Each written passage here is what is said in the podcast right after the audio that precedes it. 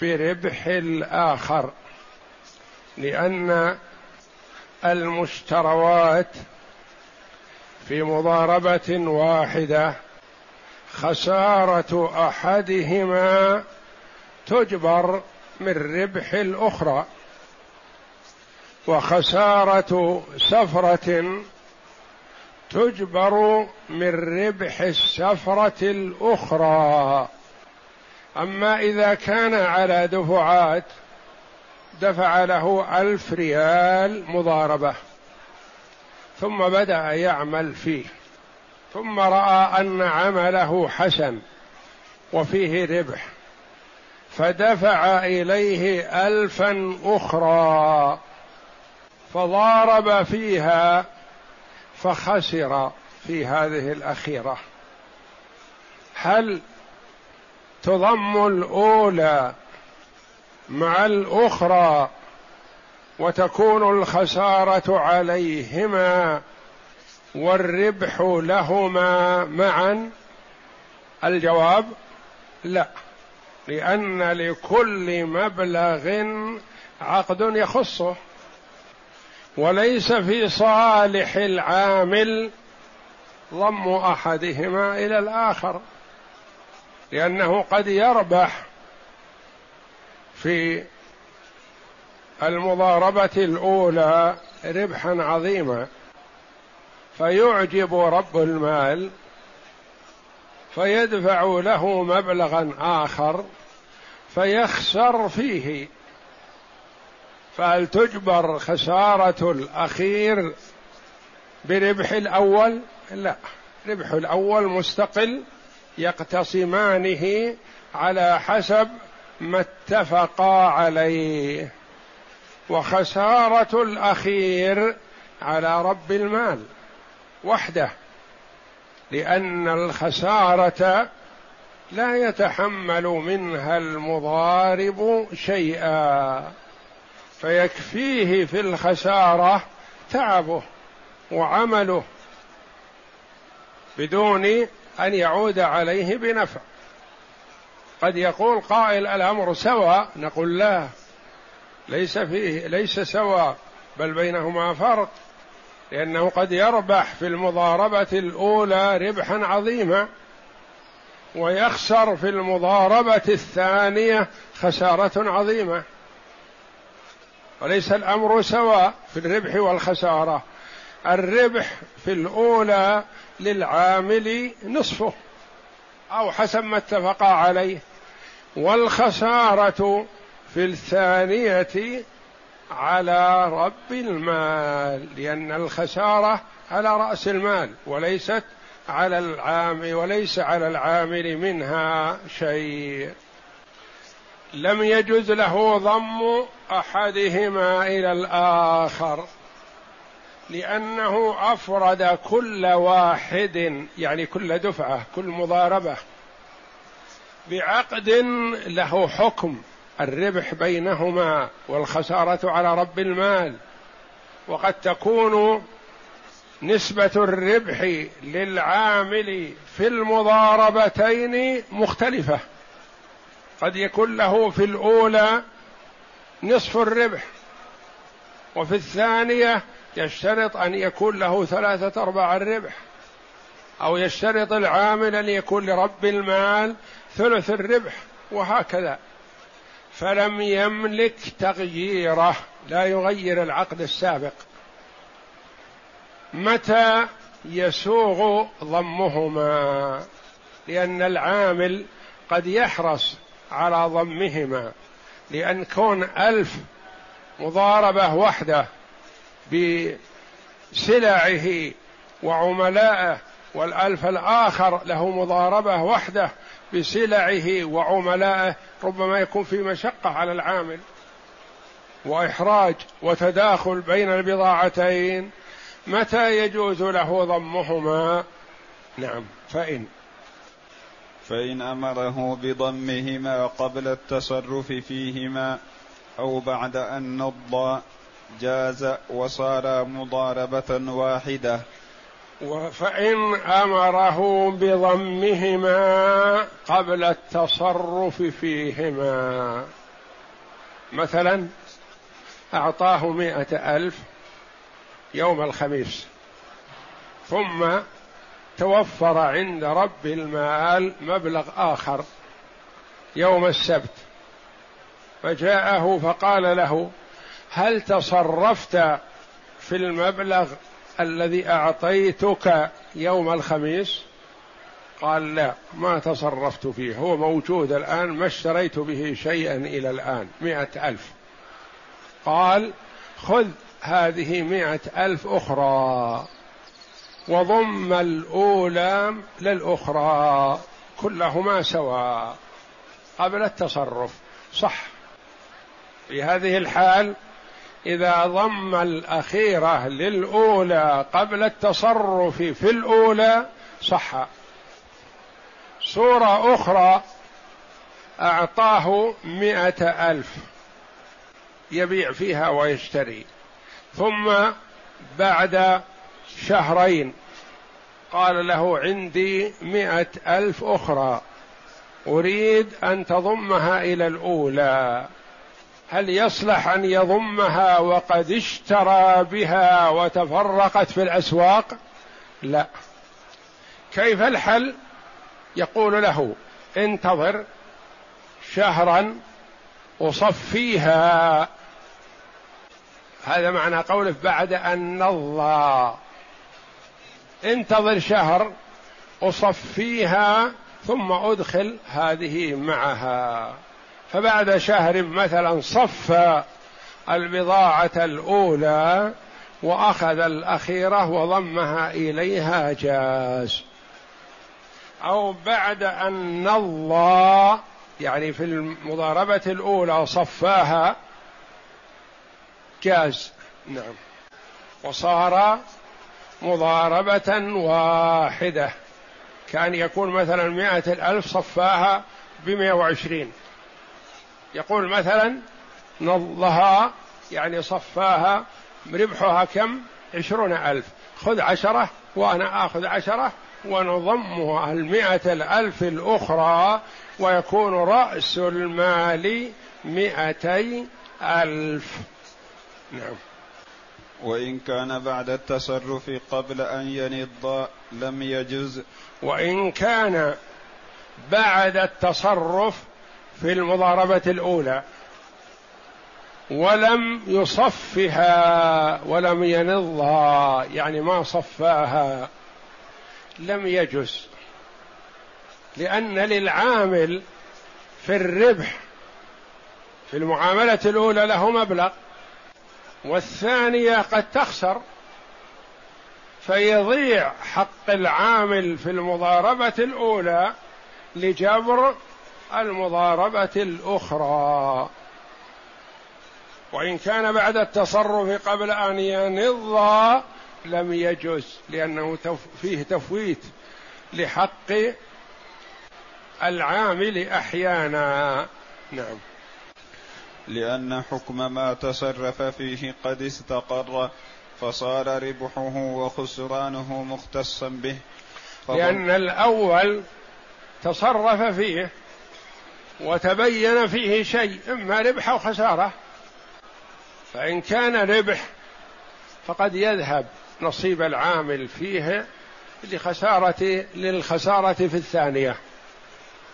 وإن كان خسارة مثلا والثانية صار فيها ربح يذهب حق العامل في المرابحة الثانية لجبر المرابحة الأولى. فيكون كل واحد منهما على حدة حتى ينضا ثم يمزج بينهما. نعم. لأن حكم ما تصرف فيه قد استقر فصار ربحه وخسرانه مختصا به فضم الآخر إليه يوجب جبر وضيعة أحدهما بربح الآخر فلم يجز. لهذا السبب لأنه قد يحتاج إلى جبر خسارة أحدهما من ربح الآخر. وهذا فيه ضرر على العامل لأن العامل ليس عليه شيء من الخسارة وله من الربح فيؤخذ ربحه في الثانية وهي مستقلة ويدخل في الأولى لجبر خسارتها فيكون النقص عليه. فصل وليس للمضارب ربح حتى يستوفي رأس المال لأن الربح هو الفاضل عن رأس المال. هذا في متى يستحق العامل ربح المضاربة؟ أعطاه مائة ألف يضارب بها فاشترى فيها بضاعة وباعها بعد يومين أو ثلاثة أيام. بمائة وعشرين ألف. كم الربح؟ عشرون ألف. هل يسوغ للعامل أن يأخذ عشرة آلاف؟ يقول مثلا هذا ربح والحمد لله. وأنا في حاجة إلى دفع أجار البيت أو في حاجة إلى قضاء دين علي. آخذ نصيبي من الربح عشرة آلاف وأسدد بها. هل له ذلك؟ لا ليس له ذلك. لأنه قد يربح في هذه السلعة ثم يشتري سلعة أخرى فيخسر فيها فيحتاج إلى جبر خسران الأخرى من ربح الأولى. وليس للمضارب ربح حتى يستوفي رأس المال. حتى يعطي رب المال رأس المال كاملا ثم يقتسم الربح. لأن الربح هو الفاضل عن رأس المال. معلوم أن الربح يعني أعطاه مئة ألف ثم بعد شهرين أو ثلاثة أشهر صفوا المضاربة. فكيف طريقة التصفية؟ أن يعطي رب المال ماله. مئة ألف. كم بقي؟ بقي عشرون ألف ثلاثون ألف أقل أكثر؟ يقتسمانها حسب ما اتفقا عليه. للعامل من الربح عشرة في المئة أو له ثمانون أو تسعون في المئة حسب ما اتفقا عليه. فلو ربح في سلعة وخسر في أخرى أو في سفرة وخسر في أخرى جبرت الوضيعة من الربح. فلو ربح في سلعة اشترى سلعة بمائة ألف من الميناء ثم دخل بها إلى مكة فباعها بمائة وعشرين. كم الربح؟ عشرون ألف. ثم خرج مرة أخرى واستعجل في الشراء طمعا في الربح الذي حصل له في السفرة الأولى والسلعة الأولى فاشترى سلعة بمائة ألف على نية أنه يبيعها مثل الأولى بمائة وعشرين فدخل بها إلى مكة فلم تساوي إلا ثمانين ريال. باعها بثمانين مثلا ثمانين ألف أو ثمانين ريال أو حسب ما اشترى. باعها بخسارة عشرين. هل يأخذ ربحه من السفرة الأولى؟ من السلعة الأولى؟ لا. اشترى بمئة وباع بمئة وعشرين ثم اشترى بمئة وباع بثمانين. كم صار رأس المال الآن؟ ما فيه إلا مئة. الربح في الأولى ذهب خسارة في الثانية. فتجبر الخسارة الثانية من ربح الأولى سواء كانت الأولى سفرة أو سلعة أو دفعة من دفعات الشراء ونحو ذلك. فإنه ما دام المال بيد المضارب فأي خسارة تجبر من هذا الربح الحاصل قبل. فمثلا لو كان عنده عدد من من السفرات أو البضائع ونحو ذلك اشترى بضاعة بمئة وباعها بمئة وعشرين اشترى بضاعة بمئة وباعها بتسعين اشترى بضاعة بمئة وباعها بمئة وثلاثين وهكذا. فما يتم تصفية الربح من الخسارة حتى ينض البضاعة كلها ثم يقتسمان الربح. وما حصل من خسارة في أحدهما فإنه يجبر في الأخرى. نعم. وإن تلف بعض المال قبل التصرف فتلفه من رأس المال لأنه تلف قبل التصرف أشبه التالف قبل القبض. انتبه. فإن تلف بعض المال قبل التصرف فتلفه من رأس المال لأنه تلف قبل التصرف أشبه التالف قبل القبض. تلف شيء من رأس المال قبل التصرف. أو تلف شيء من رأس المال بعد التصرف. صورتان. إحداهما تجبر والأخرى لا تجبر لأن التلف قبل التصرف لا يجبر من الربح لأنه ما دخل في البضاعة فقد قبل أن يدخل في الربح والخسارة قبل التصرف مثل ما لو تلف قبل القبض. لو كان رب المال مثلا هيأ مئة ألف سيعطيها المضارب ووضعها في مكان ما ثم جاء ليسلمها للمضارب فوجد المئة الألف أصبحت ثمانين ألف ذهب منها أربعون ألف. هل يقول رأس المال مئة ألف لأني نويت أن أعطيك مئة ألف؟ لا. الصورة التي معنا أعطاه مئة ألف مضاربة فذهب بها المضارب قبل أن يتصرف. استلمها ووضع خمسين ألف في صندوق ووضع خمسين ألف أخرى في صندوق آخر على نية أنه يحفظها في هذين الصندوقين وينظر في السوق.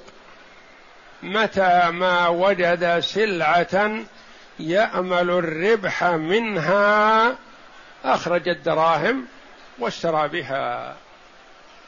فجاء بعد أيام قبل التصرف فوجد واحد من الصناديق الذي فيه خمسين ألف قد سرق مع ما فيه من أشياء ثمينة للعامل. ما فرط. يعني وضعها في صندوق حديد وفيه أشياء ثمينة له تخصه وقد اعتنى به لكنه سرق بدون تعد من العامل ولا تفريط. ثم بعد أيام وجد في السوق بضاعة فاشترى بخمسين ألف. فربح في هذه الخمسين ألف ربحا عظيما. فهل تجبر الخمسين التي تلفت قبل التصرف من ربح الخمسين الباقية؟ لا. لأن ذيك ما دخلت في البضاعة ما دخلت في المضاربة. فإذا سرقت أو تلفت أو كانت إبلا مثلا فماتت أو رقيقا فمات أو رقيقا فأبق ذهب ولا يدرى أين ذهب. تلف المال المعد للمضاربة بدون تعد ولا تفريط من العامل فإنه يذهب عليهما ولا يذهب من رأس المال فقط يذهب من رأس المال فقط. يقال رأس المال حينئذ أصبح بدل ما هم مئة ألف أصبح خمسين ألف. ساق الله ربحا بعد أيام فأصبح مئة ألف. هل يقال هذا هو رأس المال؟ لا. رأس المال خمسين والخمسين الأخرى يقتسمها العامل والمضارب. وهذا معنى قول المؤلف رحمه الله وإن تلف بعض المال قبل التصرف فتلفه من رأس المال يعني ينقص رأس المال. بدل ما رأس المال مئة ألف أصبح خمسين.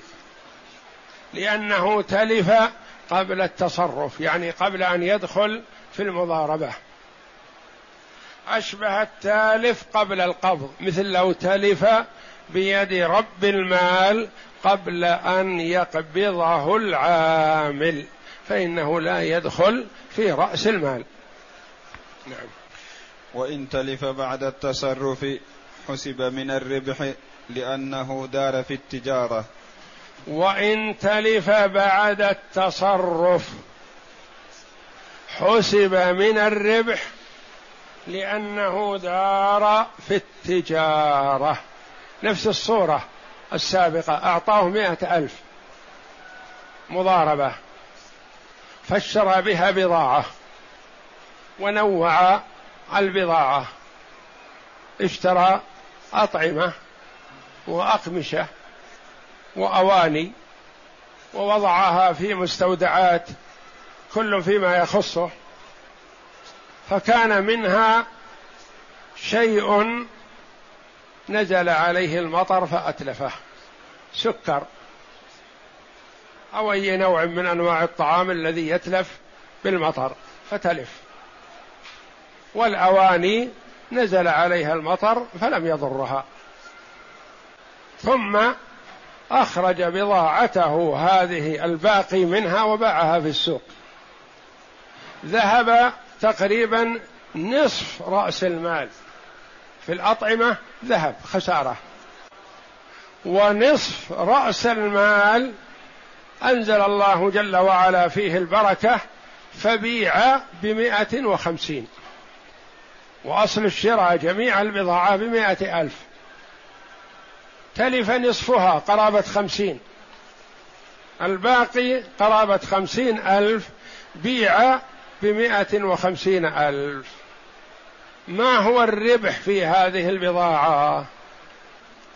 هل تجبر الخمسين الألف التي ذهبت من الربح ويقال رأس المال مئة ألف أو يقال مثل الأولى رأس المال خمسون ألف والربح مئة ألف يقتسمانها؟ نقول رأس المال في هذه الحال مئة ألف فيجبر التالف هذا من الربح الذي أتى الله به من بقية رأس المال. فمثلا باع ما قيمته خمسون ألف بمئة وخمسين ألف. كم ربحها؟ مئة ألف. هل يستحق العامل أن يأخذ خمسين إذا كان مناصفة بينهما؟ لا. نحن في حاجة إلى خمسين منها لنجبر بها التالف الذي تلف بالمطر. كم يبقى معنا ربح؟ خمسون ألف يقتسمانها حسب ما اتفقا عليه. والله أعلم. وصلى الله وسلم وبارك على عبده ورسول نبينا محمد وعلى آله وصحبه أجمعين.